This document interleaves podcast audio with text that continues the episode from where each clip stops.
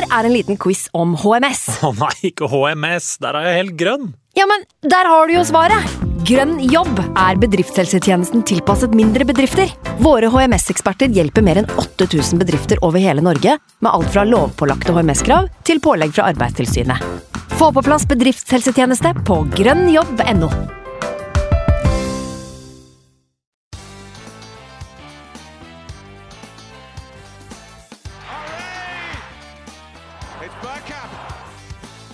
for grabs now! The next station is Arsenal.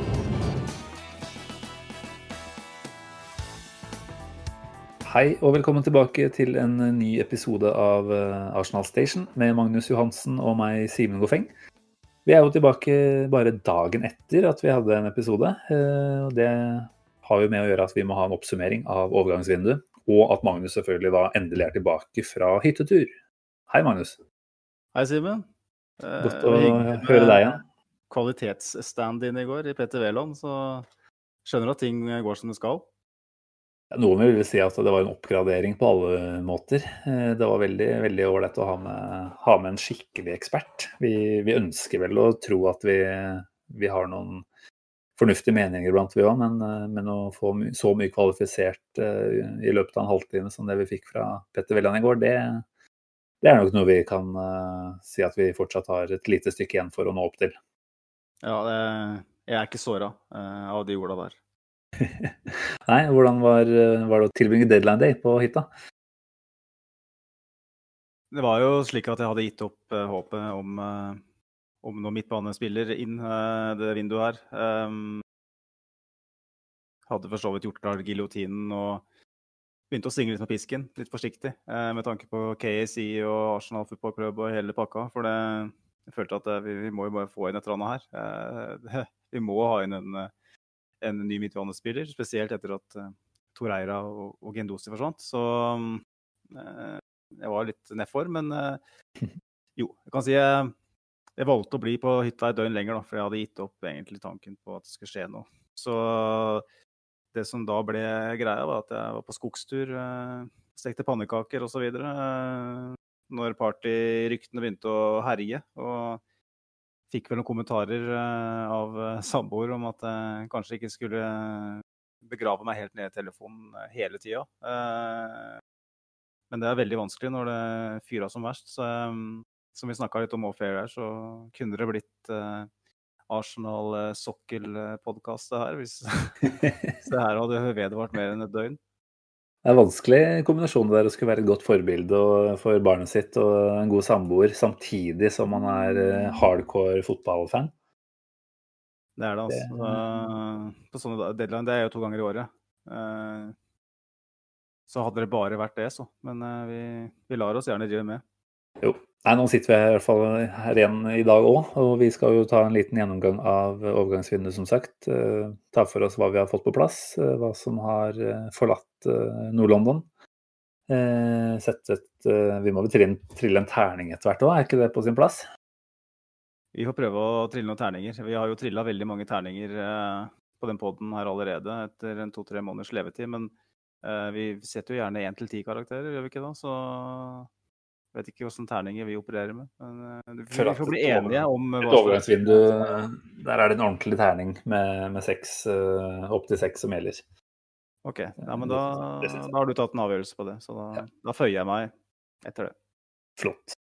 Nei, vi kan jo starte veldig, veldig kort da, med Thomas Party. Eh, nå har vi jo gått i dybden med Petter Wæland i går. Eh, jeg tenker at eh, de som ønsker å høre, høre om hans betraktninger, eh, bør høre, ta seg en lytt på forrige episode. Men, eh, men du da, hva, hva tenkte du når vi fikk på plass eh, den ganeseren fra Atletico? Eufori var vel nøkkelordet her. Jeg ble kjempe, kjempeglad. Eh, hoppa og spratt i skogen der eh, mens pannekaka lå og godgjorde seg. Det var eh, akkurat den spilleren eh, eh, Når vi gikk inn i overgangsvinduet siste dag, jeg tenkte at virkelig håpte på, for det, hos Mawar var jo eh, utelukka fra mi- mitraljøsen eh, Aulas. Og da tenkte jeg at nå eh, eh, Hvis vi får inn Party, så Eller ja. eh, Partei, eller hva. Jeg er usikker på hvordan uttalen er, faktisk, nå merker jeg allerede. Eh, Ja, Petter Veland sa jo konsekvent partei. Eh, partei. Eh, så den E-en skal i hvert fall eh, uttales, så vidt jeg forstår. For vi har jo vært snakka om party hele veien her, hele sommeren. Da sier vi partei. Jeg var veldig fornøyd med det. Men vi har jo hørt Petter snakke om hans kvaliteter. Og vi har jo noen tall som støtter opp under det han snakker om. Og vi har, nevnte jo det også i forrige, forrige podkast, var det vel? Den forrige ordinære podkasten vår. At, at Thomas Partey slo eh, både Aouar og Ceballos og Sjaka, da, som var, ble sammenligna med eh, på nesten alle statistikker. Mm. Og, Ja, også da offensivt så vel som defensivt. Ja, vi kan jo gjenta kanskje det mest interessante, og det er jo eh, når det gjelder det å ta seg gjennom ledd, eh, som jeg føler kanskje er den største akilleshæren vi har hatt under Ariteta. En, en spiller som kan, eh, som kan ta seg gjennom ledd, både dypt og høyt i banen for så vidt, men som kan skape overtall. Og, så vi slipper å ha det perfekte angrepet hver gang for å kunne skåre et mål. Um, så lå vi i fjor på to uh, driblinger uh, per match, som er bra i seg selv. Som er vesentlig bedre enn Sjaka, og, og ganske bedre enn Ceballos òg. Uh, men det som er det mest interessante, er at han har eh, 90 eller 89,1 eh, vellykka driblinger. Da. Det vil si at ni av ti ganger så lykkes han eh, i forsøket. Og det, er, det var vel da høyest i Europa, Europas fem eh, største ligaer i, i fjor. Fram til juli, i hvert fall. Så det er jo monstertall. Da. Så eh, på en måte en kvalitet som vi, vi vet vi trenger. Vi må ha inn i laget, som vi får nå. Eh, Det beste vi kunne fått, nesten. Og det gir jo, som du sa til Petter i går, vann i munnen. Ja, ja, ja. eller vi har jo sittet og ropt, vi, hele, hele denne podcastens levetid på Thomas eh, Partey. Og nå, når vi da til slutt får han, så kan vi jo ikke være annet enn veldig godt fornøyde med det. Så gjenstår det å se om han er svaret på alle spørsmålene eh, og de tomrommene vi har. Men, eh, men at han kommer til å tilføre veldig, veldig mye. Eh, og erfaring, lederegenskaper i tillegg ikke sant, til alt det han faktisk er på en fotballbane. Da, så tror jeg det kan bli, bli veldig bra. altså. Ja, det var veldig bra jobba i går, eh, Simen, med den eh, intervjuet med Petter. Da. Så Ja, du følte deg litt klokere etter en halvtimes lytt der? ja, definitivt. For de som ikke har hørt den halvtimen. Jeg vil tro alle har gjort det, egentlig. For det, eh, det er kanskje det mest interessante vi har servert i, i vår levetid som podkast. Men eh, det var eh, veldig mye bra og mye, mye som vi kan ta med oss eh, inn i, i den kommende sesongen. Mm. De kommer. Vi er jo faktisk allerede i gang. Det det, er jo det føles jo som en ny start, nesten, når overgangsvinduet stenger og du får på plass eh, en av eh, de spillerne du virkelig drømte om før vinduet åpna. Så da, da føler jeg at eh, vi hadde jo en sånn season eh, preview her for noen eh, uker siden, hvor vi prøvde å mene noe om eh, hvordan Arsenal kom til å gjøre det det, året her. Mm. Og da sa vi vel òg at vi hadde et forbehold om at hvis vi ikke får inn en midtbanespiller, så må vi kanskje endre litt på tipset. Eh, både jeg og du hadde Arsenal på tredjeplass. Stemmer. Jeg hadde nok kjørt Arsenal glatt ned til sjette hvis vi ikke hadde fått inn Partei, og da høres jeg ut som en sånn bombastisk type, tabloid type. Um, men spesielt med Gendosi og Torreira ute, altså hvordan i alle dager skulle det gått? Ja, og så er jo spørsmålet da eh, Ville vi faktisk latt, eh, latt uh, Torreira gått da hvis vi ikke skjønte at dette her kommer til å materialisere seg? Det, det får vi aldri svar på. Men vi må gå ut fra at Arsenal har hatt noenlunde god kontroll da, på antallet, som gjør at vi nå sitter med, med fire til fem ganske solide midtbanespillere. Så da har vi i hvert fall en del å rullere på gjennom en lang sesong. Mm. Ja, nei, men jeg tenker, Skal vi ta og la Thomas Party ligge der, eller også hopper vi heller videre til eh, de andre signeringene vi har gjort gjennom sommeren? Gjerne det. Ja, og da syns jeg det er eh, kanskje logisk å begynne med den som har utmerka seg mest eh, til nå. Og da tenker jeg på Gabriel, midtstopperen vår, som kom fra Lill for var vel en, i underkant av eh, 30 millioner pund. Eh, spilt eh, tre av fire Premier League-kamper så langt. eh, ble spart bort mot eh, Liverpool. kanskje for å la han slippe en dårlig opplevelse altfor tidlig i Arsenal-karrieren sin. Men eh, utover det så har han jo sett veldig veldig bra ut i egentlig alle de kampene han har vært på banen. Absolutt. Han um, tok et nytt steg, syns jeg, mot, uh, mot Sheffield United. Uh, mm. Han var jo veldig trygg og god i, i kampa, altså med unntak av det første minuttet der mot Fulham, hvor jeg tenkte at oi.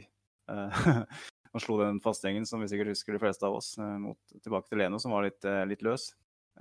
Etter det så har han vært veldig trygg. og eh, Med tanke på at det er første sesongen hans i, i et nytt land, ny liga, eh, ny, ny, kultur, nytt språk, alt sånn sett, så er det ekstremt imponerende. Um, jeg har jo sett litt på, på tallene totalt sett så langt. da. Det er klart det er tre kamper, og vi skal ikke la oss rive med. Vi har eh, latt oss rive med tidligere av type Thomas eh, Fermalen, eh, for å nevne, nevne igjen. Um, så en skal være forsiktig med det. Men det er jo, også tallet er jo nesten oppsiktsvekkende. Eh, han, eh, For å ta Sheffield United-kampen først, da, så hadde han 104 pasningsforsøk med 91 eh, treff. Dvs. Si 104 pasninger var flest av alle på banen.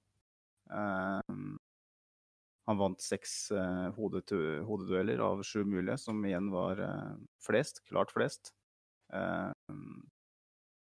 Han var både en monster i duellspillet og i tillegg den mest spillende eh, spilleren vi hadde på banen, med flest pasninger.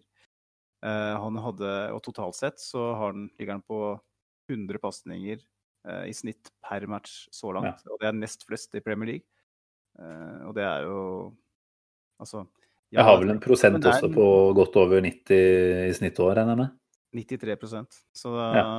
Og jeg, som jeg sa, eh, mot Sheffield United så begynte han å slå en del pasninger gjennom ledd òg. Jeg syns han hadde mange gode pasninger eh, som førte til at vi kunne hva skal jeg si, ja, omstille eh, mm. til, til, angrep, noe vi har mangla veldig. Eh, og kanskje en hva skal jeg si, ja, eh, et, et, tegn på at vi kanskje mangler det på midten, spesielt med Sjaka, som da ikke starta, da, som har mange gode eh, diagonalballer og osv. Men eh, Gabriel tok det ansvaret, rett og slett. Og var, ble vel man of the match, ble han ikke det? Jo, han, det var vel en supporteravstemning på Arsenal.com hvor han var man of the match. Jeg tror kanskje faktisk at det var Bellerin som fikk den eh, på den offisielle, da. Men, eh, men, at Gabriel der også da gjorde nok en god kamp, det er vi i hvert fall helt enige om. Ja, det var veldig spennende. Så, Så er det slik at vi skal begynne å rulle terning på den signeringen? Er det sånn du tenker? Nei, jeg tenkte at vi tar en oppsummering. Eh, jeg tror vel vi hadde ganske inngående vurderinger av spillere eh, før eh, sesongstart. Eh, så jeg tenkte egentlig at vi tar en, en oppsummerende terning til slutt, ja, på hva vi tenker som, om vinduet som sådan, og i sin helhet. Ja, det er med på det. Ja. Eh, men at vi regner med at Gabriel spiller seg eller beholder sin faste plass gjennom sesongen, det, det er vi vel ganske sikre på. Det er vanskelig å se for seg at han ryker ut på, på, benken i noe særlig grad. Han er foran Holding i køen. Han er åpenbart langt foran Saliba i køen, som vi kanskje er litt overraska over at vi ikke har fått sett noe særlig mer til. Men det høres jo ikke ut som han er så klar som vi hadde håpet på. da. Så at Gabriel er vår egentlig beste stopper per i dag, så enkelt kan vi kanskje si det. Ja. da, da må vi få spille.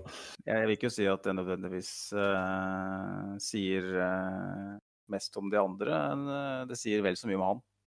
Han har vært veldig god. og igjen, det er tre kamper, så mye, mye kan skje.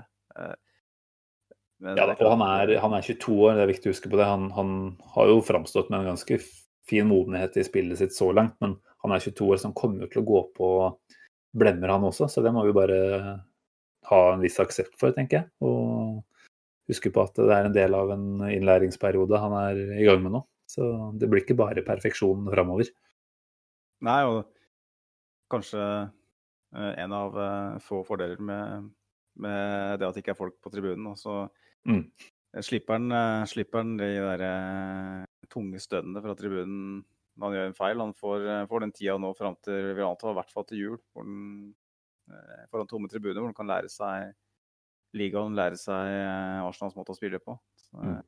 her kan vi ha en, en toppstopper eh, eh, i emning. og jeg så jo for meg at kanskje Saliba til og med kunne være foran i køa. og Det var kanskje litt naivt når vi tenker på hvor få eh, tenåringer som faktisk spiller stopper i, Mm. i Premier League.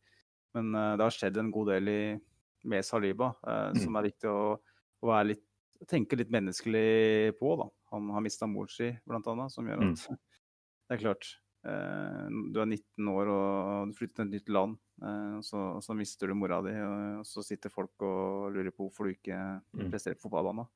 Det, da må vi bare rett og slett tenke at, eh, at han må få deale med det. Ja.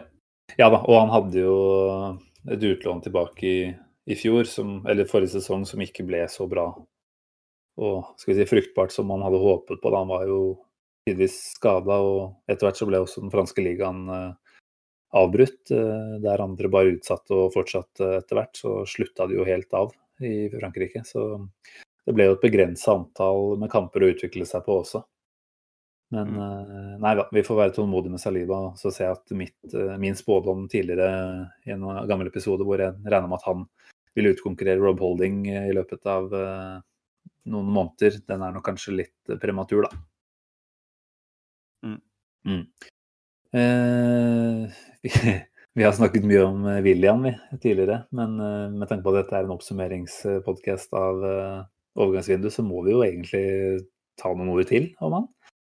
Eh, Ja, omstendighetene rundt overgangen har vi vært inne på. Han eh, kom jo fra Chelsea gratis, eh, som flere andre har gjort før han.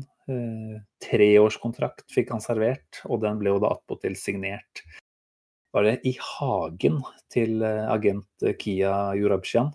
Så mm, vi har vel allerede der kjent at vi kjenner på litt motstand.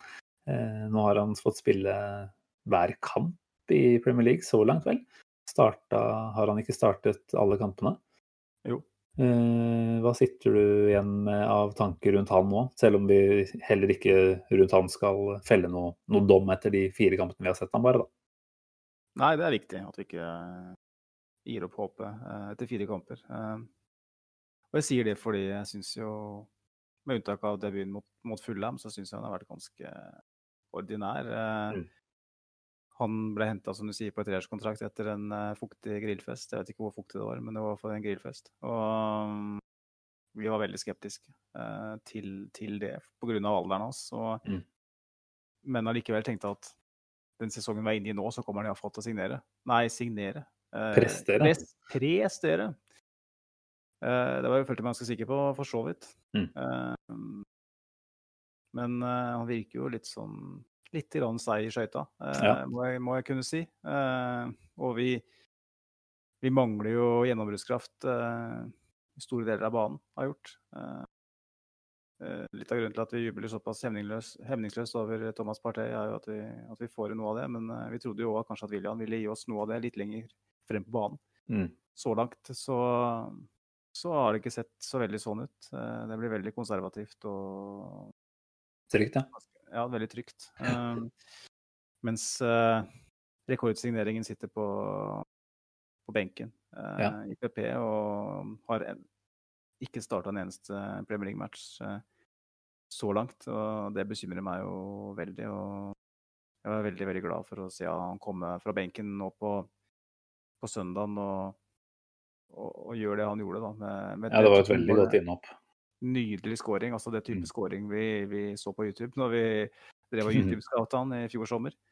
Eh, avslutning i steget der, skjær inn fra høyre. Eh, helt nydelig. Eh, jeg føler at PP har mye mer å by på enn en, en William. Mm. Som, så handler det jo mer om evnen til å få det ut. Men uh, ja, jeg var skeptisk til William-signeringen før sesongen. Og jeg er ikke noe mindre skeptisk nå, fordi det er en, uh, en deal som på en måte var mulig å gjøre ganske enkelt pga. connections med agenter osv. Og, og det er eh, en spiller som er 32 som får et treårskontrakt. Det er ikke en stopper, det er en offensiv midtbanespiller som eh, hvor de gjerne mister det litt tidligere enn en, en, en spiller lenger opp banen. Så nei eh, Tillater deg å være skeptisk.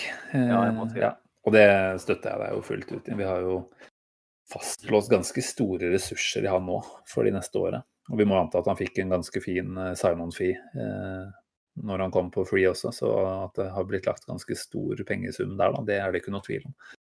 Og ja, PP holdes ut av laget, og en spiller som Riz Nelson holdes jo ut av troppen, ikke sant. Så Mm. det forplanter seg videre nedover. Eh, Jeg håper jo fortsatt at han eh, Og jeg, han kommer nok til å prestere på en Jeg tipper han er en sånn eh, som jevnt over eh, vil gi oss et, et helt greit antall med målpoeng da, når vi teller opp til slutt. Jeg tror nok Arteta kommer til å bruke han ganske mye. Eh, men igjen, dette er året han skal være best. Da. Det er jo det vi vil tro eller er logisk, i hvert fall med tanke på at han er 32. Så, så han skal jo være ganske god allerede nå. det, det er lite som tyder på at vi har fått akkurat det vi hadde håpa på. Jeg må jo si at jeg tenkte, eller etter hvert nå har begynt å tenke, har vi en liten Miktarian-repetisjon her med en som kommer inn og debuterer med flere assist, og deretter er eh, veldig ujevn da, og lite produktiv. Mm. Eh, Jeg, frykter det verste, i hvert fall. Og jeg frykter også da hvordan det vil gå utover eh, andre spillere som konkurrerer med han i hans posisjon. Ja, det er spesielt med tanke på at, at det er PP han skal jeg si, ja, hindrer. Han, Mm. han er rett og slett en signering som gjør at PP ikke får spille. Og, Mm. Og Ja. klubben har ikke råd til å gi opp på PP ennå.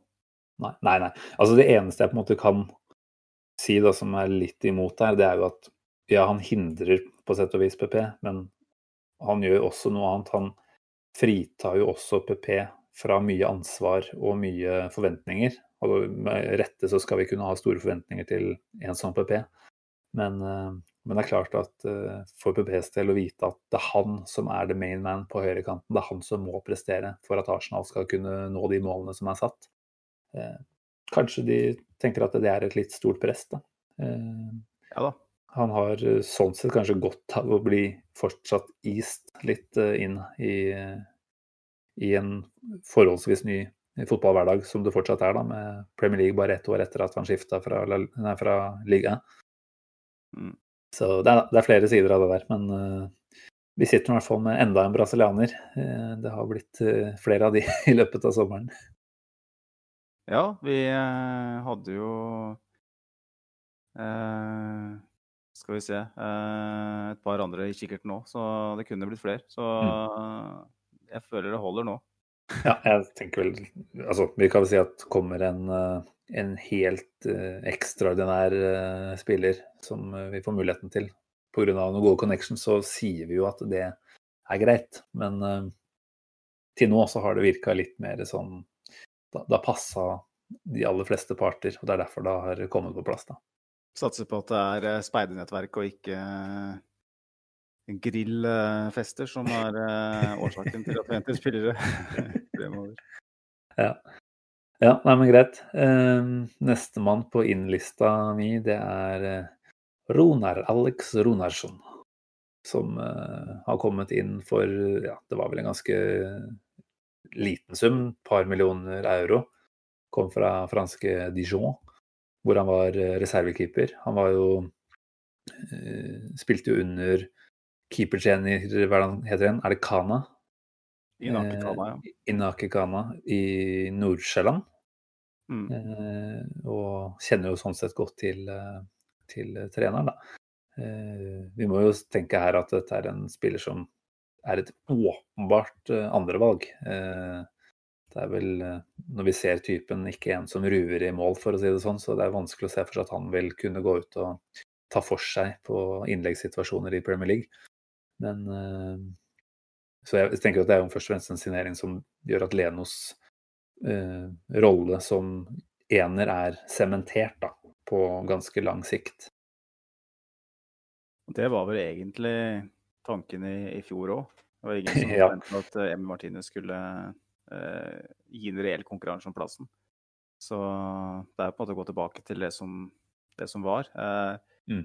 Så er det klart, eh, hvis Neil Maupay løper inn i Leno igjen, så, så, så frykter han jo litt hva Runarsson er i, i stand til, da. Men eh, til den prisen, og hvis det har vært med på å betale for Thomas Partey, så Mm. Ja. Og det er jo det totalregnestykket der vi må regne med at har blitt gjort, ikke sant. Og det har vel Arteta sagt ganske tydelig òg. Vi må ofre noe i noen posisjoner for å styrke oss andre steder. Så det, det virker som en ganske grei eh, deal å gå med på det, da. Hvis det er, hvis det er sånn det har gjort seg. Men bare i forhold til når vi snakker om keepere, da. Eh, Vi snakka jo litt om det tidligere her, at eh, eh, I hvert fall sitter jeg nå etter eh, fire Premier League-kamper igjen med en følelse av at det er noe mer utrygghet bak i forsvaret hos Arsenal. Altså når vi skal spille oss ut bakfra, så er det ikke den samme roen som jeg opplevde at det var under Martinez. Aner at det er en usikkerhet som får lov til å spre seg i noe større grad. Jeg sier ikke at det nødvendigvis bare handler om Leno. Kanskje de trenger å si, bli enda litt bedre kjent med hverandre igjen. Men, eh, men jeg sitter i hvert fall med en liten følelse av at uh, Martinez spredde en litt større ro da, bak der. Uh, Jeg vet ikke om det er noe vi skal snakke for mye om, men uh, er det lov å si sånn at vi har en ørliten, et ørlite minus på akkurat den biten, kontra hva vi hadde under de ukene med Martinez?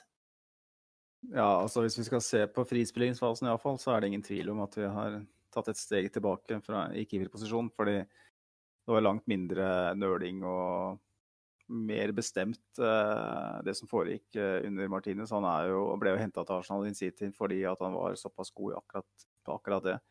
Og det var kanskje den ene store stryken han hadde. Eh, som gjorde at han fremdeles var Arsenal-spiller frem, eh, så sent som for et par måneder tilbake. Uh, og du ser jo i Villa nå at eh, han har jo uh, gjort store endringer der i måten de spiller på. Så uh, det er jo nesten sånn at du tenker at eh, det er jo ikke Leno som er, som er svak i, i den fasen, det er jo Martine som rett og slett er eksepsjonelt god. Ja. ja, det er jo verdt å legge til akkurat der at, eh, at jeg har en arbeidskollega som er nesten Villa-fan, og snakka litt med han om disse keepersituasjonene. Og han eh, satt igjen med et inntrykk av at eh, det var et helt annet Aston Villa-forsvar, med en helt annen ro og trygghet nå, etter at Martinez hadde kommet inn. Så at han eh, tar med seg noe dit, det er det ikke noe tvil om. Nei. Så um, på keeperplassen, keeperplassen så kan vi vel definitivt si at vi er, er svekka. Men uh, igjen, det, det er ikke nødvendigvis uh, noe vi kommer til å uh, hva skal jeg si, å gråte all verdens over utover sesongen. Det kommer an på om, om Leno holder seg fit, tror jeg. Mm. Tror du Runarsson er tiltenkt en cupkeeperrolle, eller tror du Leno i utgangspunktet skal få lov til å spille det aller, aller meste? Jeg vet ikke. altså Nå fikk jo Leno tillit både mot Leicester og mot uh, Liverpool. Da. Det kan jo Mm. være fordi at det var for tidlig for eh, Runarsson. Mot Liverpool så var han vel nett... Nei, mot Leicester mener så var han nettopp signert. Uh, Ja. Og det er klart Anfield er borte. Ja. Kanskje ikke beste sted å debutere. Så det er litt tidlig å si. Jeg vil jo Mm. tro at han får stå ligacup, eh, kanskje. Nå, nå fikk jo selvfølgelig City i neste runde, da, men eh, jeg Mm. vil jo tro at han får ligacup og no, at han får spille litt i Europaligaen. Vi har ikke akkurat fått kruttsterk motstand i gruppespillet der, så Nei, Det bør være mulig å stå ganske, ganske rolig som bakerste mann i de europaligakampene der. Jeg Ja. kan ikke si at eh, vi skal gjøre noe annet enn å feie over de lagene der. Nei, men da er siste ord sagt om eh, Vi kaller han Alex Runarsson, vi. Orker ikke sånn Runar Runarsson, det blir litt for kjedelig. jeg er litt, litt uenig der, men eh, OK. Greit. Eh, Det er et par andre dealer som har blitt eh, formalisert. Vi visste jo at de kom til å skje. Både Cedric og Pablo Marie var jo på lån, eller lånekontrakter eh, til utgangen av forrige sesong, og så har de blitt henta permanent nå, da. Det kom en bekreftelse fra klubben på det. Så jeg tenker at det er jo ikke nye spillere som sådan, så ingen vi trenger å gå nærmere i dybden på her. Pablo Mori er jo fortsatt skada. Jobbes vel for at han er tilbake i løpet av dette året, tror jeg. Mente at jeg leste det. Eh, Ja Jeg husker ikke helt, jeg, men Nei. eh, han er iallfall ikke tilbake til landslagspausen, tror jeg. Nei. Og da er vi allerede, eh, allerede godt stykket til oktober, så Ja. Cedric Suárez har jo fått én opptreden nå, eh, mot eh, Det var mot Liverpool, var det ikke det? Hvor han spilte. stemmer det. Eh, Så det er vel en sånn backup-rolle som det at han er forhåpentligvis i stand til å gjøre en, eh, en OK innsats fra, da. Det er ikke så mye mer enn det jeg forventer, i hvert fall. Nei, altså han ble jo ble jo henta fordi at eh, klubben vel hadde gitt opp eh, tanken om at Maitland Nye skulle være et alternativ eh, der. Og så Mm. endra det seg i, i løpet av våren og, og sommeren. Og det er nok en signering som ikke ville blitt uh, gjort. Uh, og sånn sett en, en spiller som allerede er overflødig før den hele tatt har kommet i gang. Mm. Uh, som jeg snakka om, har vært kritiske til eh, tidligere. En fireårsavtale med var det 60 000 pund i uka eller sånt. Hvis, hvis eh, de rapportene stemmer, så er jo det må jo kunne si å være en av sommerens dårligste dealer. Eller sommer, altså en av de dårligste dealene i, i vinduet, da, hvis vi skal ta det med. Ja, nei, det er mye penger altså, som er bundet opp her nå. Så vi er nå avhengig av at vi når målet om et, en topp fire-plassering og, og får noe penger inn på konto også. Mm. Det ble jo ikke så mange salg, selv om det kan vi komme tilbake til i utspalten. Um, det tror jeg vel for så vidt er overgangsvinduet vårt, uh, med tanke på hvem som kom inn, eller har jeg glemt noen? Eh, nei, skal vi se. Eh, Jeg har tatt det opp eh, på skjermen min her, så jeg skal bare ta en kontrollsjekk på det. Så nei, det er vel ikke det. Vi, Det er vel greit. Det, det jeg tenker at er likevel verdt å nevne, er jo at han godeste Osema Awar, da, som vi ønska oss ganske sterkt, ikke kom. Jeg snakka jo litt med Viasport-kommentator Paul Thomas Clay, som følger fransk fotball veldig tett. Jeg spurte han litt hva han tenkte om eh, Awar eh, som spiller, og hva han eventuelt kunne vært eh, gjort for Arsenal. Eh, Han sier jo at, eh, at i Awar så hadde vi jo fått en eh, ekstremt teknisk spiller som evner å opprettholde teknikken i et høyt tempo. Det er overblikk, det er bevegelse, det er spillforståelse sin egen klasse. Han finner rom og spillere med pasninger som du ikke trodde var mulig, omtrent. Eh, videre så sier han at eh, Awar skiller seg ut, selv i selskap med alt det gode som har kommet fra det velkjente Lyon-akademiet. Han er født i byen og ble en del av akademiet som elleveåring. Gått gradene og etter hvert blitt en meget viktig brikke i et sterkt Lyon-lag. Eh, så vet vi jo nå at han, han ikke kom, så da er det jo på en måte poengløst å, å snakke noe særlig mer om det. Men jeg spurte jo allikevel han Pål Thomas om Awar ville vært svaret på alle våre kreative spørsmål. Og da svarte han vel at Awar ville kanskje vært det vi Arsenal-fans ønsker at Øzil fortsatt skal være, da. Ville vært den type kreative brikke. Så det er klart uh, Vi kan jo bli lengtende her og tenke at uh, tenk hva hvis vi både hadde fått inn Partey og Awar? Da, da hadde det sett bra ut, dette overgangsvinduet. Det gjør det absolutt i mine øyne fortsatt, men det hadde jo vært ekstremt bra da, hvis vi hadde fått på blad han i tillegg. Men eh, den gang ei. Særdeles uh, urealistisk uh, Ja. i mine øyne. Og jeg må bare si da, mens noen steker pannekaker i skauen, så, så snakker du med uh, eksperter for både spansk og fransk fotball, så det er bra jobba. Um, jo, takk. Men, eh, men vi, før vi går over på, på ut-spalten, så syns jeg vi skal nevne litt eh, betraktninger rundt uh, Hva skal jeg si, ja? Hvordan vi oppfatter planlegginga uh, fra Arsenal sin side. Mm. Eh, som vi nevnte i, i forrige pod, så har, eh, har vi gode kilder eh, på at eh, interessen for Virginio var veldig reell. Noe som etter hvert ble bekrefta av eh, David Ornstein, blant annet. Ehm, det gikk vel inn et bud et par døgn før deadline der på Jorginho, som ble avslått fra Chelsea sin eh, side. Og da lurer jeg litt på Hvis vi kun hadde råd til én ny midtbanespiller, var det slik da at uh, Jorginho var foretrekt foran eh, Thomas Partey? En spiller som vi har eh, hva skal jeg linka til i hele, hele sommer. En spiller vi snakka om tilbake allerede i mai. Mm. Ehm, som på en måte var sånn Hva skal jeg si, aviden viden kjent at han eh, og Arsenal hadde hatt noen form for samtaler. Da, at det var en interesse der. Men at det, skjedde jo ikke noe før, eh, før på deadline day. Da. Eh, men når Arsenal da velger å legge inn et bud på Jorginho et par dager i forkant, da lurer jeg på hva tanken er. Skulle Ja. han ha kommet i tillegg til Thomas Partey? Eh, var det slik at, uh, at Arteta ønska seg Eugenio mer enn Partey? Uh, altså, som ingen av oss egentlig helt forstår. Da. Veldig, to veldig ulike typer spillere òg. Men ettersom det budet gikk inn, da, var det sånn at vi hadde bestemt oss for å, å trigge den utkjøpsklausulen på deadline det uansett, eller altså Det er mange spørsmål der da, som gjør at du lurer litt på hva var, uh, hva var planen her, da. Det virker jo for meg som det ikke var all verdens uh, til plan, men at vi, vi berga det på deadline der, hvis jeg skal tolke mm. det fra, fra, mitt perspektiv. Men jeg vet ikke hvordan, du, hvordan, du, ser det? Nei, altså Da var det vel snakk om at vi bød rundt 30 millioner pund da, for Jorginho. Jeg tror ikke at hadde han kommet, så hadde vi fått på plass noen Thomas Partey. Det tror jeg ikke. Så mye penger har vi ikke. Så det eneste jeg på en måte kan tenke at var Artetas tanke der, var jo at det var en spiller han ønska han og Pep Guardiola ønska seg når eh, de var i City sammen.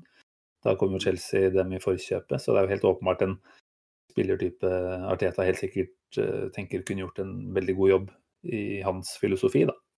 Men, uh, men da hadde vi sittet med i mine øyne tre defensive playmakere eh, i han Chaka og El Neni.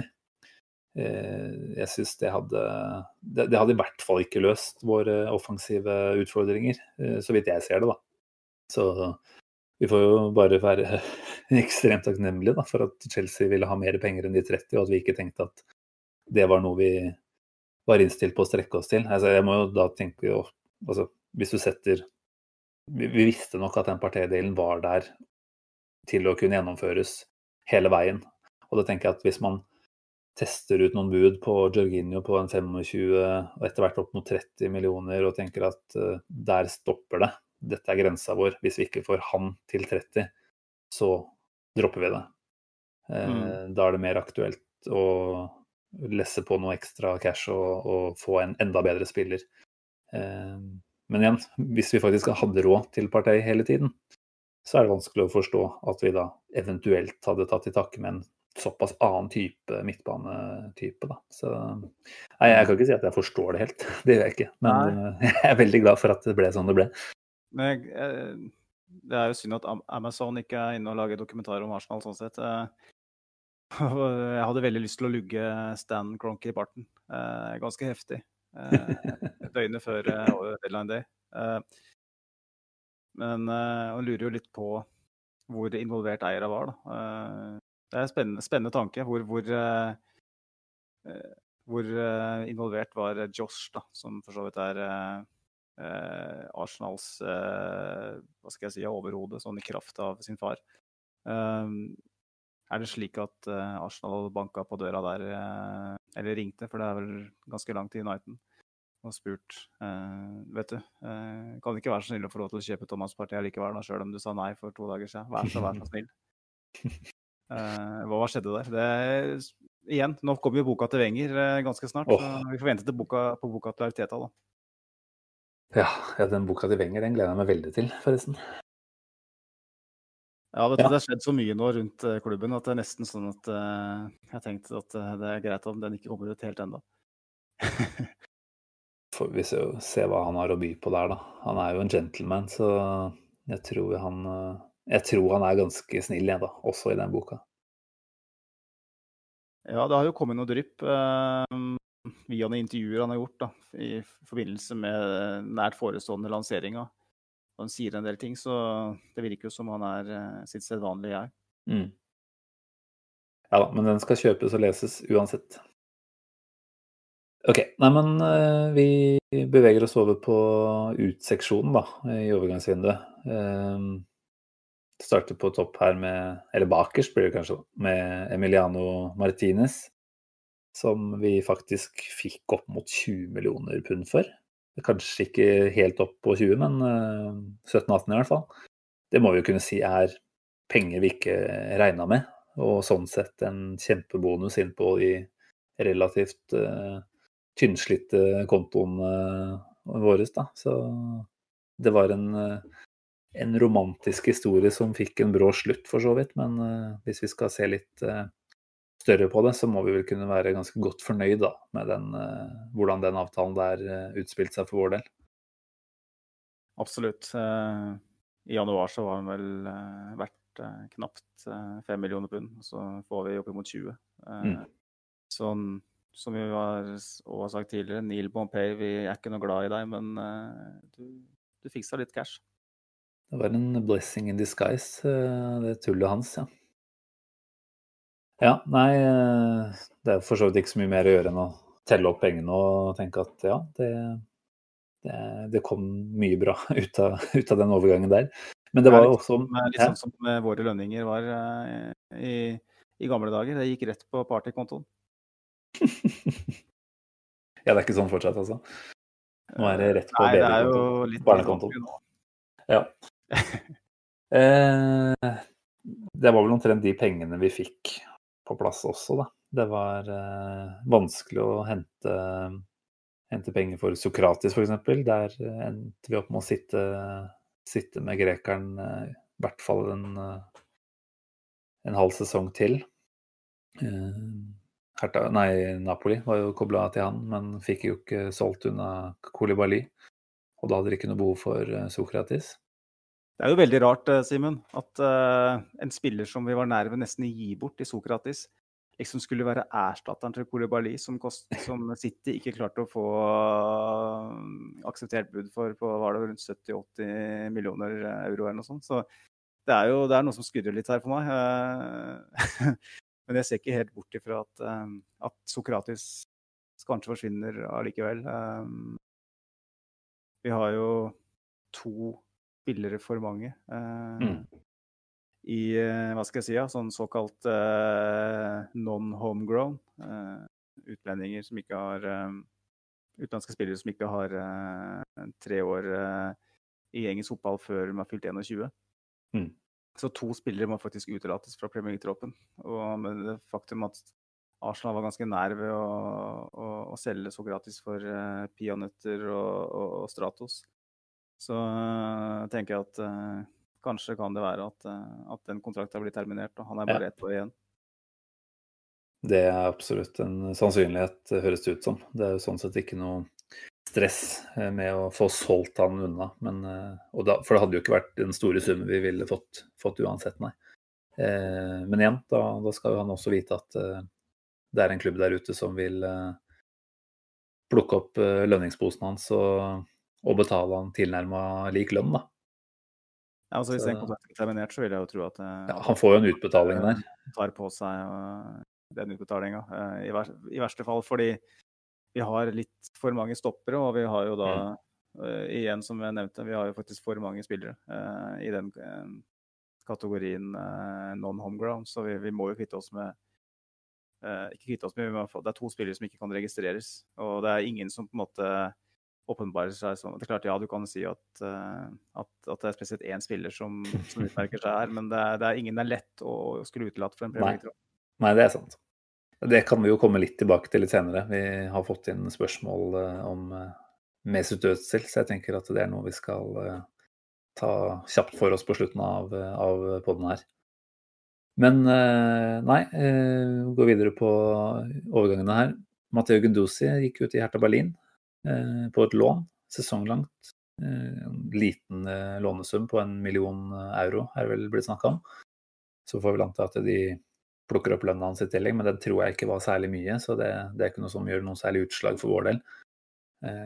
kanskje greit å la Gundosi og Arteta få et år fra hverandre. ja, det er ikke så mye kjærlighet der, tror jeg. Så, samtidig så når situasjonen ble som ble, eh, så kan det jo være at han storspiller i Bundesligaen og, og booster verdien sin eh, såpass mm. at vi får igjen noen kroner for neste sommer. Jeg tror ikke Vi må, vi må jo tro eh, at Arteta kommer til å være Arsenal-manager en del år fremover. og da da er, da er, nok, Gendo, er nok ikke Gendosi en spiller som vi kan forvente at kommer til å, å spille. Så det i, i, nødens stund så var nok det et bra move. Ja, Enig. En annen som gikk på lån, det var uh, Lucas Torreira, da, som gikk motsatt vei av Thomas Partey. Eh, Atletico Madrid har henta han så vidt jeg har forstått, uten å betale noe lånesum. Eh, noe som høres litt eh, spesielt ut. Eh, de tar vel over lønna hans. Så jeg har hørt noe snakk om at det skal være en ikke en obligasjon, men i hvert fall en mulighet, en opsjon på å kjøpe han for drøyt 20 millioner euro etter sesongen. Jeg vet ikke om alle de opplysningene der stemmer, men, men hva tenker du om at han, han, går? Det var jo også en mann som ikke ble gitt noe særlig tillit under Arteta. Det syns jeg er, eh, det er greit. Jeg hadde håpa på noen kroner for han. Det er jo en spiller som helt åpenbart er veldig interessant for italienske klubber. Etter det han presterte i Sampdoria, men eh, kjøpskraften der eh, er ganske svekka. Mm. Så, og det, det, er nok andre steder òg. Så det ble, det ble med, et, med, et, lån. Og det som skjer der, er jo interessant, syns jeg. fordi Atletico Madrid og Arsenal var bortimot enige om en, eh, om eh, en sum for, for, det, for, det, lånet, men så skjønte vel Atletico her at her er det kun dem som er inne i bildet. Det er dit Torreira selv vil. Så mm. da trakk de, eh, trakk de, tilbake det og sa at jeg vil bare For de visste at Arsenal måtte kvitte seg, med, kvitte seg med noe for å kunne registrere spillere til sesongen. Mm. Så da var det lett for dem å si at nei, vet du, vi betaler ingenting. For det, det, det, trenger vi ikke å gjøre. For det, vi vet at dere må at dere må kvitte dere med spilleren. Uh, igjen så syns jeg jo det var veldig morsomt at, at vi da unnlot å informere nei, nei, Atletico Madrid om at vi hadde trigga utkjøpsklausulen oss. Ja, den beskjeden kom vel Bare fuck off. det var nettopp det jeg skulle si, og det var en deilig fuck you-finger til Atletico. Så der fikk vel eh, beskjed i tolvte time omtrent rett før i hvert fall før det var mulig å gjøre noe særlig annet på overgangsmarkedet. Eh, så, og Diego Simione hadde vel også snakka med Torreira, fikk jeg lest noe sted der, at uh, han så for seg han og Party i en slags duo på midten. Så, så mye for de planene der, altså. Nei, det er deilig. Det er deilig, altså. Ja. Jeg må bare si det. Jeg har ikke noe veldig til overs for Diego Simione og Atletico Madrid. Så med Diego Costa og Luis Suárez på topp, som er styggeste spissbare noensinne. Så ja, det er fælt. langefingeren, eh, langefingeren, er der, og den uh, kjører. Ja. Eh, et par andre som vi kan nevne her på tampen, er Konstantinos Mavropanos. Han gikk jo til Stuttgart tidligere i sommer. Det er også et utlån, da. Her er det snakk om en liten, en liten lånesum på 250. Ikke noe tanker om noe opsjon, så han er vel tenkt sånn sett tilbake igjen til Arsenal etter sesongen. Så får man jo ta en opptelling og se både hvor mange igjen vi sitter igjen med, og, og hvor god Arteta vurderer Mavropanos å være. da. Men uh, jeg, jeg, tror jo kanskje at det kan være en spiller der da, etter hvert. Uh, gi den mannen en skadefri sesong og, og litt uh, stabilitet i form av spilletid. Så, så sitter vi plutselig og tenker igjen at han det kan hende at eh, Sven Mislintat gjorde en veldig god jobb når han uh, scouta han, da. Det er jo iallfall interesse for, for spilleren, fra, fra, spesielt fra Tyskland, virker det sånn. Altså, mm. det er ikke, han er jo ikke alene om å, å se noe i Mavropanos, uh, uten at jeg har helt noe særlig tro på at han får noen sjanse i Arsenal, med tanke på at vi har en ung Saliba som vi vil integrere etter hvert, en Gabriel nå som uh, uh, imponerer. Så ser den veien inn til en første elver ganske vanskelig ut. Ja, det gjør nok det. Sistemann, Miktarian. Bare nevne kjapt at han da Der terminerte vel kontrakten. Det var vel sånn det foregikk. Og han signerte jo da for Roma, som han har vært på utlån hos i fjor. Eh, veldig greit å slippe å sitte og betale lønn på han et par år til. Eh, det var vel egentlig det vi var forplikta til. Han hadde vel to år igjen på kontrakten, faktisk. Bare for å vise hvor skakkjørt den dealen faktisk var. Det er jo historiens eh, desidert verste byttehandel. Definitivt. Ja, skal vi eh, trille terning, da? Ja, altså jeg tenker vi må kanskje nevne eh, at både Skodran Mustafi og Siad Kolasinac eh, fremdeles er i, ja. I, i klubben. Spesielt Kolasinac var jo veldig nær eh, Leverkosen, men så klarte ikke dem å kvitte seg med Wendel, som eh, er dems venstreback per nå. Og da kunne ikke dem fullføre den handelen. Og da igjen stuck med en spiller som på ingen måte passer inn i, i laget. Mine øyne, i hvert fall. Og Mustafi har vi snakka mye om eh, i mange år allerede. Eh, spiller vi helst eh, ser forlater Arsenal, eh, til tross for at han hadde en brukbar avslutning på sesongen i fjor. Har jo bare ett år igjen på kontrakten. Det er det- det er så- Så vi mister jo han gratis uh, igjen og, med tanke på hva vi betalte for han. Så Ja. er det bortimot skandaløst, det òg. ja, han er vel topp fem omtrent, han, på dyreste signering vi har gjort. Ja, så um, det er klart. Vi har nok ikke klart å kvitte oss med, med nok av de spillerne vi, vi, vi ønsker å kvitte oss med, og ergo sitter vi med, med, en, med en tropp som er eh, for stor. Mm. Um, men eh, vi må nesten gi Arsenal litt grann uh, leeway her, for det, det er uh, hva skal jeg si, ja, uh, ukjent farvann for alle. Uh, kjøpskraften er lav, og vi, vi kan ikke sitte her og, og hevde at spillere som Mustafi og Kolasinac og, og, så, og Sokratis osv. er spillere som vi forventer at andre klubber skal gamble på og bruke masse penger på.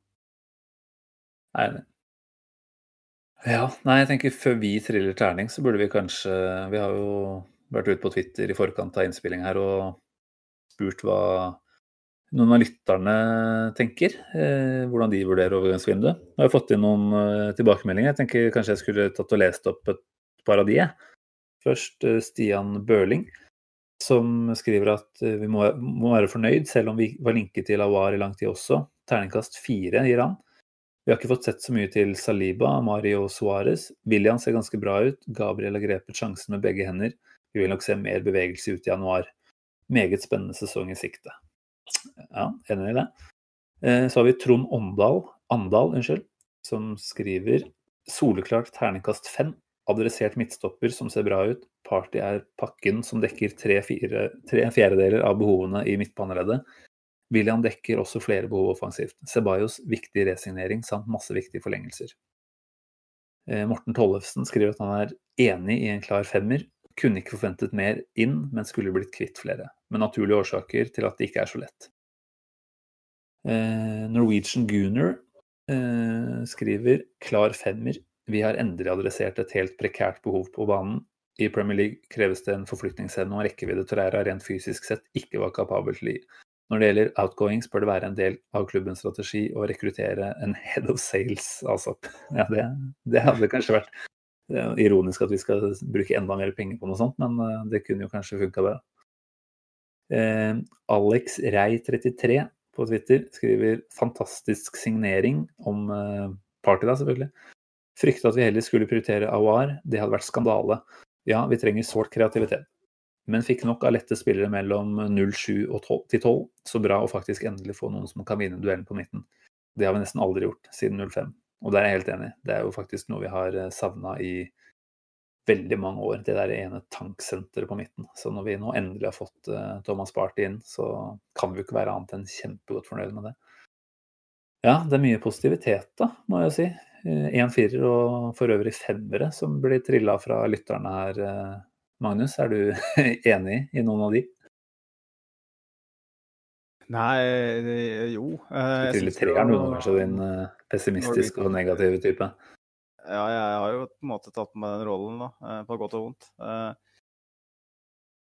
eh, Jeg syns jo Norwegian Gunner eh, har mye rett i det han sier om eh, eh, fysisk tilste- tilste- tilstedeværelse og forflytningsevne og sånt på midten. Da. Det har vi virkelig, virkelig savna. Og eh, var det én ting vi, vi trengte før, eh, før overgangsvinduet åpna, så var det nettopp, nettopp det. Og vi har savna det i mange år, som vel sis- sistemann her eh, nevnte.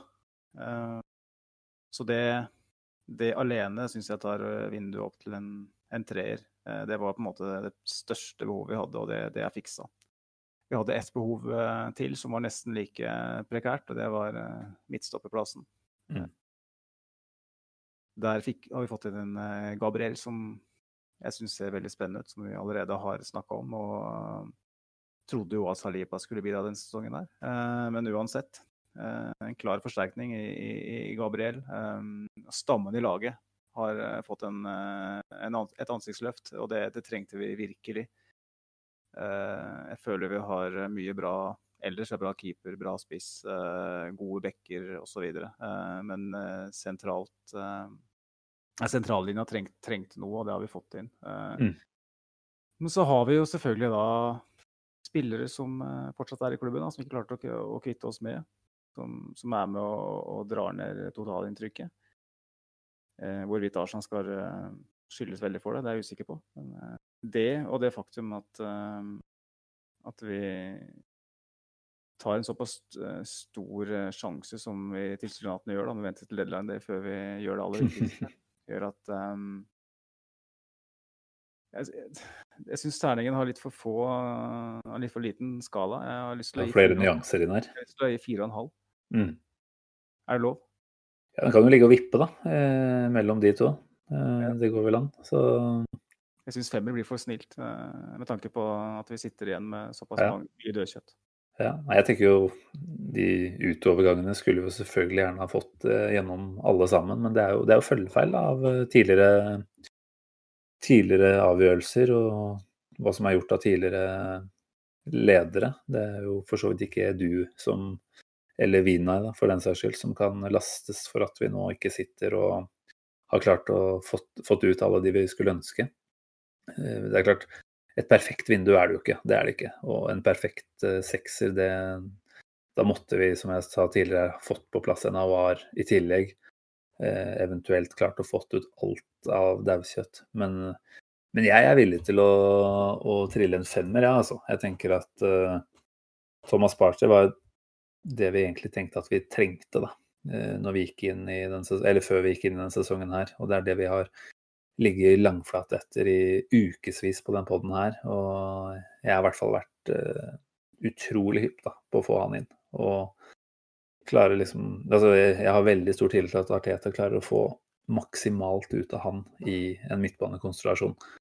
Og jeg tror at det kommer til å være svaret på veldig, veldig mye da, av det vi har savna. Eh, og Gabriel, ja. Du sier det. Han er eh, solid. Han eh, ser eh, ut som han ja, han er 22 år, ikke sant? så vi må bare anta at det kommer til å bli bedre og bedre det vi får av han også. Så, så jeg er villig til å se litt bort fra de utovergangene som vi gjerne skulle hatt på plass. Og selvfølgelig det er lett å tenke at hadde vi fått ut enda flere, så kunne vi også gjort enda mer eh, in incomings, men eh, men, men da ville vi sett på et perfekt vindu, og da hadde jeg selvfølgelig gitt sekseren. Så for meg så er det en femmer, det her, altså. Det er liksom spørsmål om man kan han gi en sekser på noe man egentlig ikke helt uh, vet resultatet av uh, i det hele tatt. Uh, det, vi, Nei, det tenker vi du må kan si være kan vi være. og mm, Det er en del Jeg syns femmer er veldig snilt, med tanke på at det er en del ting som trekker ned her. Eh, eh, fatale, potensielt fatale avgjørelser som er gjort i stekehos eh, hos eh, eh, han godeste Kia Rabshan og sånn. Eh, kan jo sette en fotlenke på oss i, i, i tida som kommer, ikke sant. Så, eh, vi er skeptiske til en del av det som har foregått. Cedric er jo en del av det vinduet her, for så vidt. eh, Og sjøl om han ble henta i januar. Så det er en god del som gjør at eh, at jeg klarer ikke å, klarer ikke å legge den på femmeren. Derfor går jeg ned 0,5 og ned til 4,5. ja, Det er mulig at det er mer et stemningsbarometer, dette her, for min del. At jeg er litt vel og høyt oppe nå fortsatt etter gårsdagen. Men eh, nei, jeg står fast, jeg, altså. Så får vi for så vidt kunne være etterpåkloke, etterpåkloke men eh, akkurat her og nå i dag så, så er jeg så fornøyd at det da, da er det en femmer som føles riktigst. Men det er bra. Bra vi ikke er helt enige, Magnus. Jeg er gjerne, Eh. gjerne uenig. Eh, Det hadde vært jævla kjedelig å høre på hvis vi hadde vært eh, skjønt gjennom alt her. Kanskje det er veldig kjedelig. Kanskje ringe, ringe, ringe noen i Arsenal-fan-TV og høre om de kan være med på et par podder. Nei, aldri. Aldri. Det er ikke min Nei, jeg- jeg- cup det der, altså. Det er, ikke, det er ikke mitt bord, det. Det er ikke min, min kopp, det heller, bare for å si det. Det var bare en Da hadde vi sikkert fått noen diskusjoner, i hvert fall. Det hadde nok blitt, hadde nok blitt uh, elsket og hatet. Og det, vi, vi vil helst bare bli elska. Ja, ja, det er alltid best. Eh, en som ikke blir elska, bare sånn at vi får eh, tatt dette her nå. Eh, det har kommet ett spørsmål eh, fra Norwegian Gunner, som også da var inne og kommenterte i stad. Eh, det er eh, et spørsmål vedrørende Øtzil. Han spør hva tenker dere om at Øzil ras rasler med sablene nå? Først en koselig melding til Gundosi, og nå betaling av maskots lønn. Han kan bli en verkebyll dette året. For the record, jeg faller ikke for det. Eh, vi vet jo da at Øzil var ute i går og ønska Gundosi sine varmeste lykkeønskninger. Eh, han skrev vel eh, Han skrev vel der også at eh, Show them that you're a great football player. Så er det jo lett å tenke for vår del at dem da er Arsenal. Mens Øtzil selvfølgelig ville kunne sagt at ja, dem det er mynta på Bundesliga-folket og Hertha Berlin. Eh, og så hadde han jo dagens uh, melding, da, i kjølvannet av at Gunnar Saurus har blitt permittert, som vi nå har fått med oss. Så har jo Øtzil gått ut og tilbudt seg å ta et lønnskutt. for, å, for å kunne betjene Sånn at Arsenal kan betjene lønna da, til, til Gunnar Saurus, eller han Jerry Quay, da, som han vel heter. Mannen som har vært inne i Gunnar Saurus nå i 27 år har han vel faktisk holdt på der. Eh, jeg tenkte du, Magnus, du er jo en, en Øtzil-elsker av rang og har vært det i alle år, og i hvert fall så lenge han har vært i klubben. Jeg tenker du skal få den tøffe oppgaven med å svare aller først her. Hva, hva, tenker du om det vi har sett nå siste dagene? Nei, altså Først og fremst er jeg litt skuffa, for jeg trodde det var Geir Børresen som uh, var Gunny Service. Alle, alle, sånne store tøybamser som jeg blir glad i opp gjennom åra, er jo Geir Børresen. Men uh, Nei, uh, jeg blir lei meg, rett og slett. Eh, jeg er veldig glad i Mesut Özil, fotballspilleren først og fremst. Men nå vært veldig glad i typen. han bidratt veldig mye utafor bana. ja, han har høy lønn osv., men han bruker veldig mye penger på gode, veldedige formål. Mm. gir oppmerksomhet til, til samfunnsgrupper som, som trenger det. Eh, men vi har kommet til et punkt nå hvor eh, PR-maskinen Øzil eh, har en offentlig kamp mot Arsenal. Hvem i Arsenal det er, sånn, det er sånn du tolker de to Twitter-meldingene han har lagt ut nå? Ja, jeg har kommet dit nå. Ja. Jeg vet ikke hvem i Arsenal han kjemper mot. Om det er eierne som har gitt Arteta streng beskjed om at at Øzil ikke skal spille. Eh, eller om det er eh, Edu, eller om det er Ariteta. Eh, fellesnevnerne her er jo for så vidt eierne. Vi har jo endra både trener og, og sportslig ledelse i løpet av den perioden hvor Øzil har vært delvis fryst ut. Mm. Men det faktum at han var på benken mot Southampton i FA-cupen nå i juli, eh, forteller meg at Arteta Eh, kanskje er villig til å bruke den. Da. Han har tross alt hatt ned én kamptropp. Og hvis eieren hadde satt ned foten og sagt at han skal ikke være med i det hele tatt, så hadde han kanskje ikke vært med der heller. Der han mm. satt under paraplyen og unngikk sola. Så um, Nei, det er vanskelig å vite hva som faktisk foregår uh, sånn sett. Det er jo betimelig å spørre seg hvorfor han var i hver eneste førsteelver i ligaen før pandemien eh, brøt ut og ikke har, vært, eh, ikke har spilt et minutt etterpå.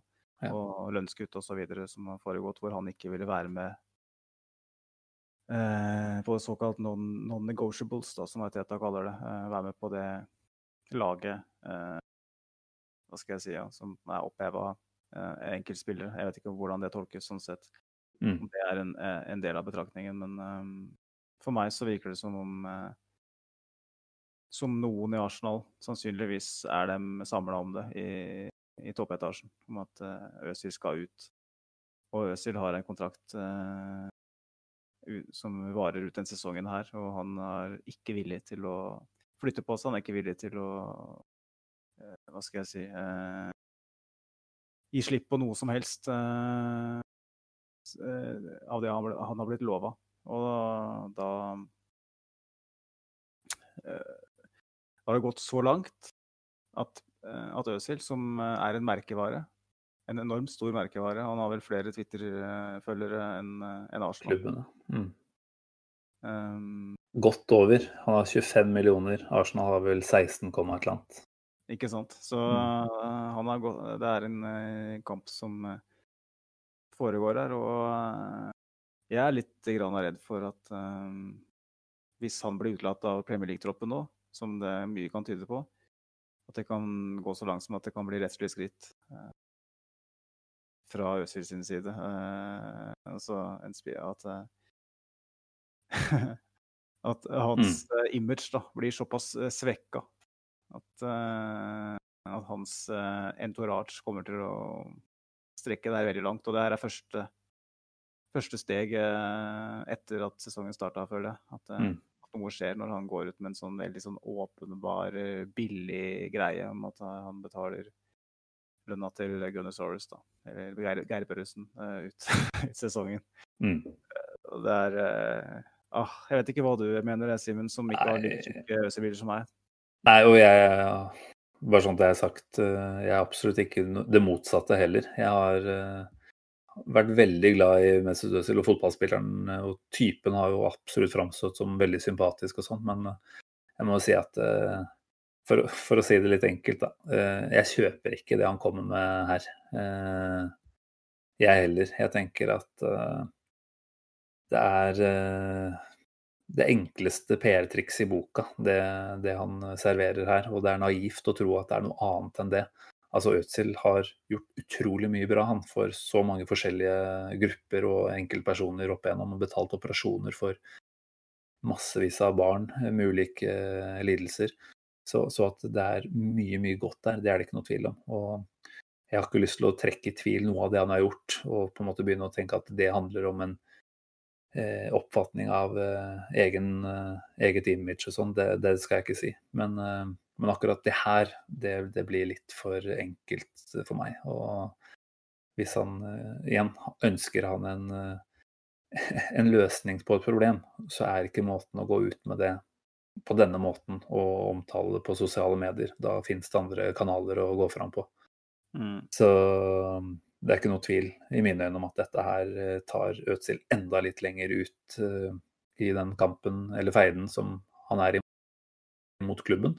Eh, og det syns jeg er kjempetrist, og jeg er veldig jeg er redd for hvor mye det kan være med å forsure eh, miljøet nå de neste ukene og månedene. Får vi se hva som skjer, da. Altså, jeg tror som deg at han blir værende. Jeg tror ikke vi på noe som helst vis Jeg vet ikke om vi har pengene omtrent til å kjøpe han ut av kontrakten. Jeg Skulle jo tro at hvis man så på hans tilstedeværelse på treningsfeltet som giftig, så ville man gått til det skrittet, da. Men da er det per nå ikke, ikke vurdert det. og Så får vi jo se hvordan det utvikler seg videre. Vi har jo snakka mye om Øzil tidligere, og det har vært mye prat om hvorfor blir han benka og sånn.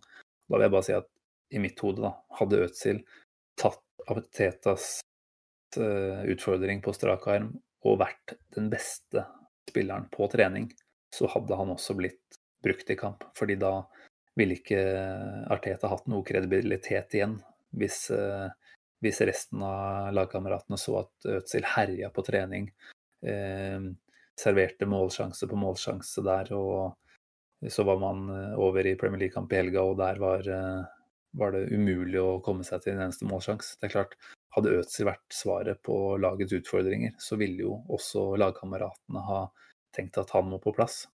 Så vidt jeg kan se, så er det i hvert fall særdeles få støtteerklæringer som har dukka opp eh, i retning Øtzil eh, gjennom hele denne perioden, som har vart nå ganske lenge, egentlig.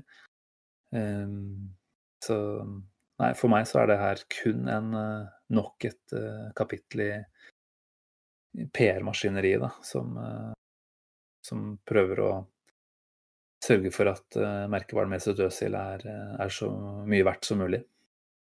Altså, for å sende en åpen uh, søknad til, uh, til å være en del av uh, Mesut Özil sitt uh, støtteapparat, så kan jeg si at hvis du er, tenker litt lenger, så, så lar du den nyheten lekke på, på andre vis.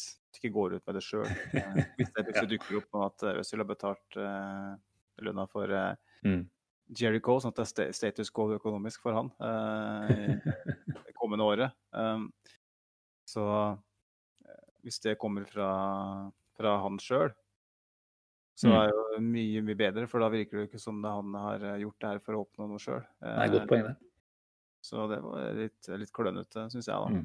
Men det er ikke sikkert han eh, godeste Jerry var eh, villig til å gjøre det.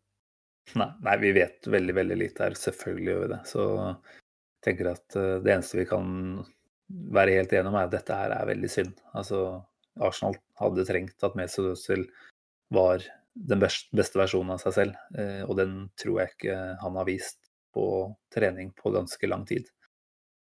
Og da, da står vi der vi gjør nå, med et år igjen av kontrakten og 3,5 millioner eh, kroner hver eneste uke, som går til relativt eh, lite fornuftig. Mm. Annet enn noen gode formål der ute, da. Det må vi si. Jeg har jo um, et lyttespørsmål til.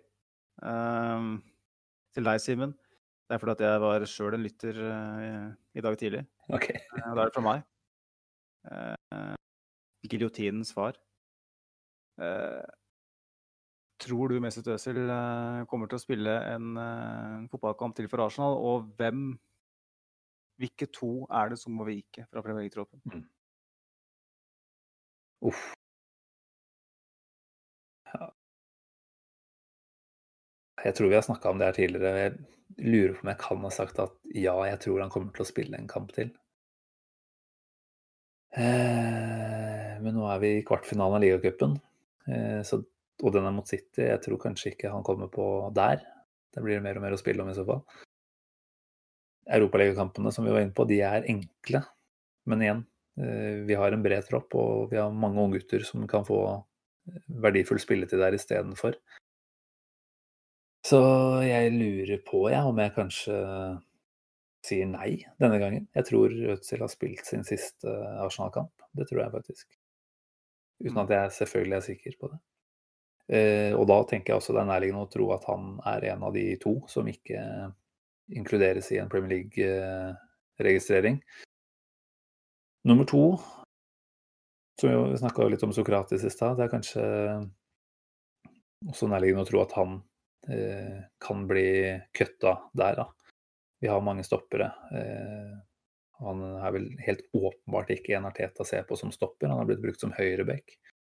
Der er vi godt forspent. Eh, så, så jeg ser på det som sannsynlig at det er de to, kanskje, da, som ikke Altså, Øtzil er et spesielt tilfelle, så vanskelig å si, men Sokratis er jeg kanskje jeg er ganske sikker på, så vanskelig å si med nummer to, men ja, nå har jeg sagt Øtzil, så da, da forholder jeg meg til det. Ja. For å besvare mitt eget uh, spørsmål sånn sett, da, så Jeg har allerede tatt farvel med, med Øzil uh, i X-spillerspalten for noen uker tilbake. Mm. Og følte for så vidt at jeg hadde rett den gangen. Og jeg, jeg, jeg tror fortsatt det. Jeg tror ikke han kommer til å spille igjen for Arsenal. Uh, og Jeg tror hører han at du gråter litt. Ja, det gjør det. Det knytter seg litt. Det gjør det. uh, og så tror jeg vel òg at Sokratis er den. Ikke fordi at den, den andre, mener jeg. Ikke fordi at uh, jeg tror han er den åpenbare kandidaten basert på ferdigheter, men fordi at han har ett år igjen av kontrakten. Og i, I motsetning til Mustafi, som òg har ett år i den kontrakten, så passer han ikke inn i måten Ariteta ønsker å, å, å spille på. Eh, hadde det ikke vært for at Cedric Suárez fikk fireårskontrakt, så tror jeg fort han kunne vært nummer to. Men eh, Mm. han har litt for lenge igjen av kontrakten til å kunne Ja, det ville vært helt ekstraordinært da, å evne å sette han ut av Premier League-troppen når vi har gitt han en helt flunkende ny kontrakt.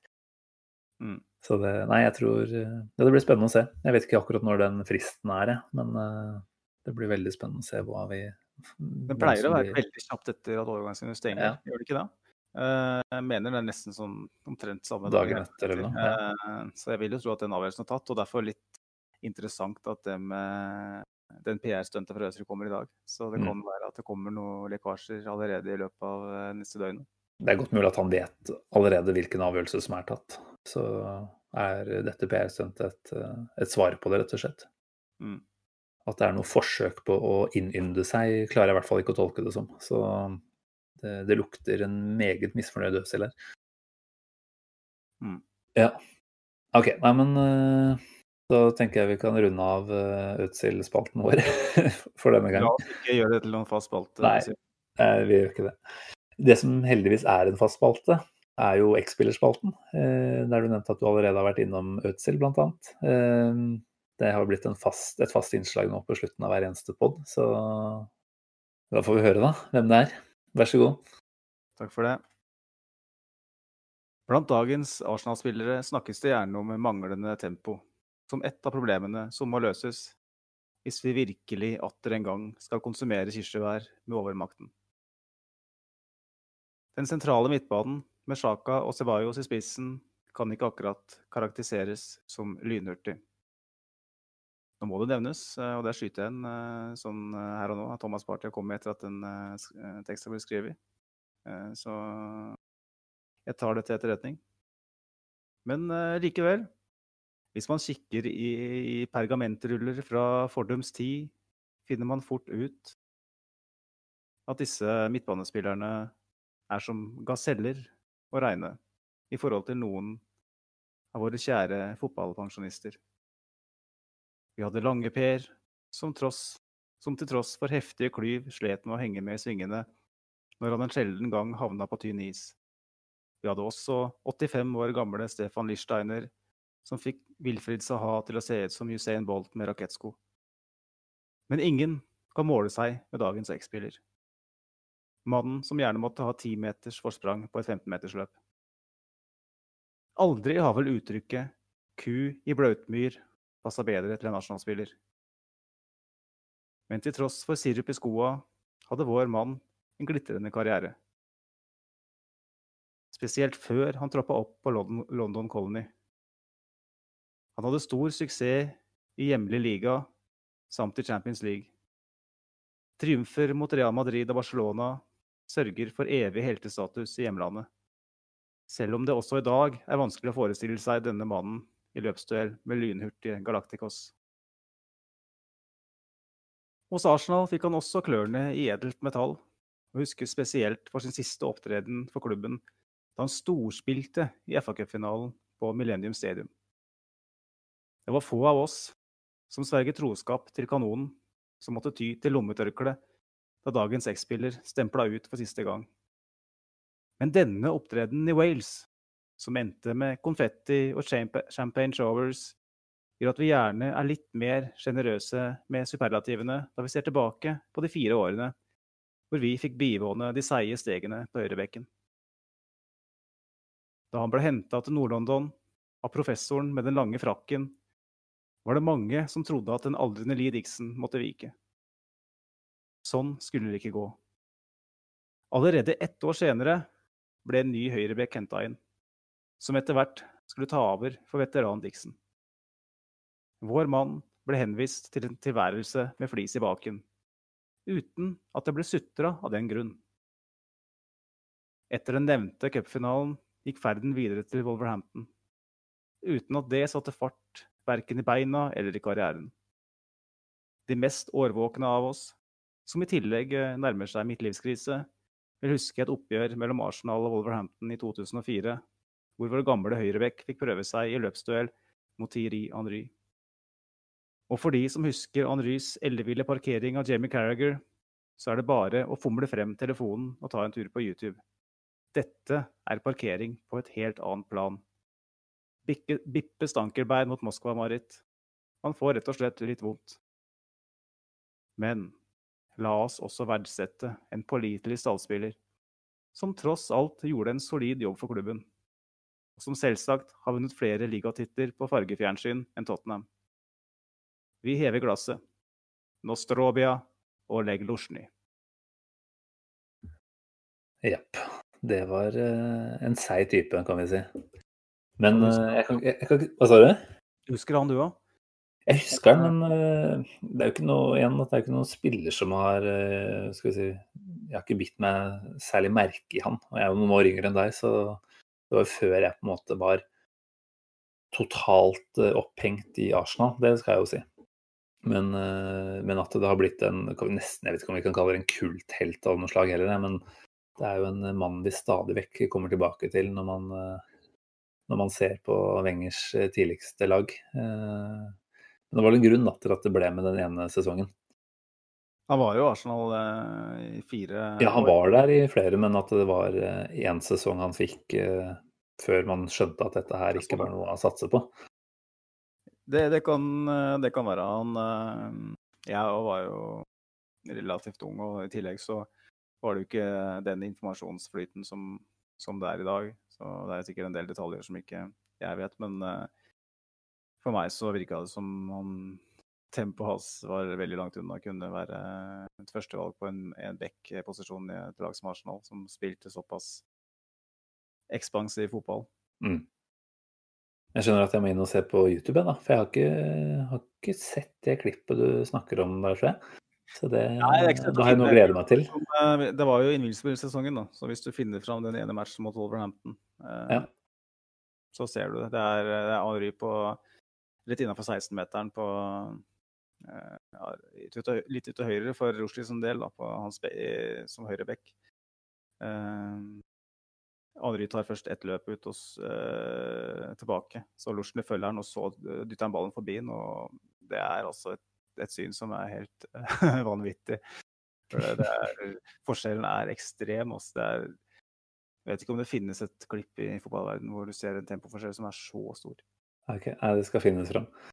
Jeg tenker jo det var eh, på sin plass da med en type som vi ikke nødvendigvis uh, jubler av begeistring for sånn i ettertid, med tanke på at vi har hatt en ganske noen ganske fine dager nå med, som kulminerte med en eh, partysignering i går. Så må du ta oss litt ned på jorda igjen, og det syns jeg du gjør på en veldig fin måte med, i form av Oleg Lusjny. Ja, Marve Fleksnes pleide å si 'dra på', ja, får jeg si 'dra ned'. ja. Det klarte du. Eh, tusen takk. Veldig, veldig bra.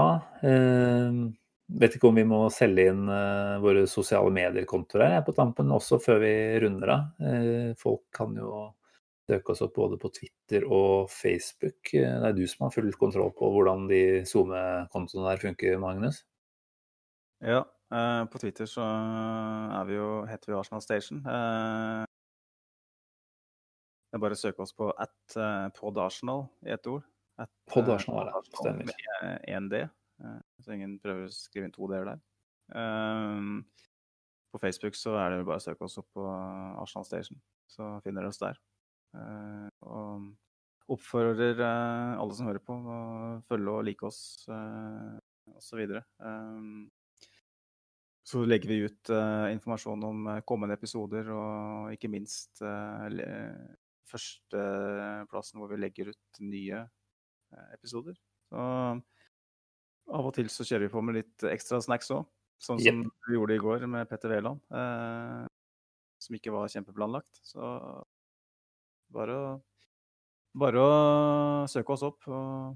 Det setter vi veldig stor pris på. Hvis man eh, tar seg det bryet der og går inn og huker for en like eller en follow der. Det er ålreit for oss å se at vi at vi klarer å nå ut til flere òg. Syns jo det er veldig kult når vi får, eh, får, innspill eh, på de postene vi legger ut. Så bare fortsett å fyre på med egne tanker og meninger. Så som dere hører, så blir det tatt med her i podkasten også.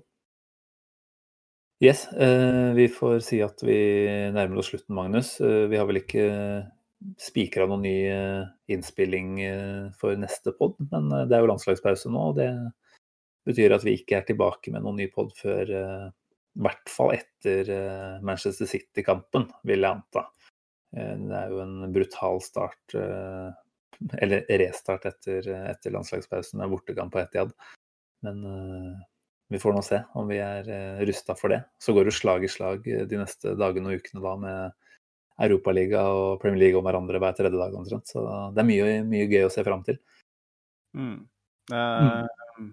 Satser på enda en eh, podkast med fokus på partei, etter at det hadde vært uh, Nei, det tror jeg ingen har lyst på. høy, høy, høy partei, parteifaktor i, i, Manchester uh, om ti dager, Nei. eller hva det er.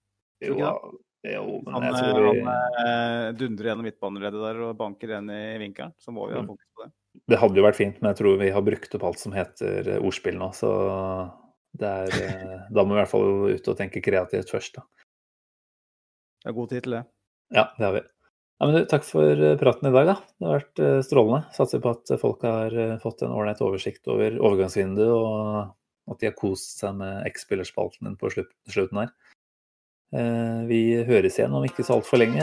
Så sier vi bare fortsatt god landslagspause. Ha det bra.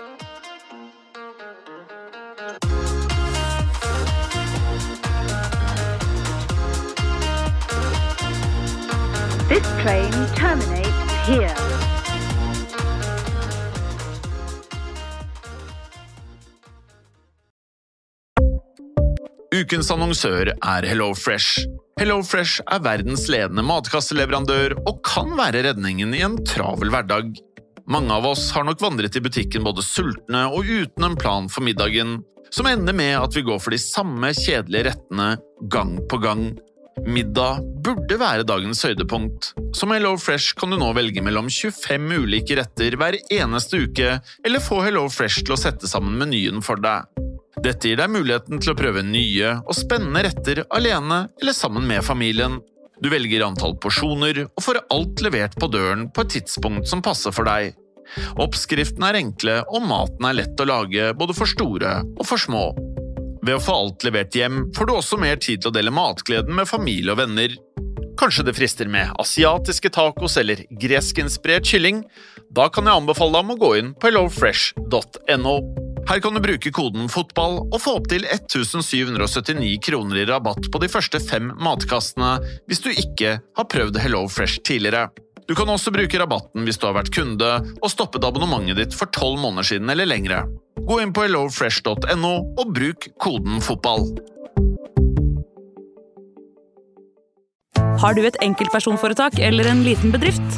Da er du sikkert lei av å høre meg snakke om hvor enkelt det er med kvitteringer og bilag i fiken, så vi eh, gir oss her, vi. Fordi vi liker enkelt. Fiken superenkelt regnskap.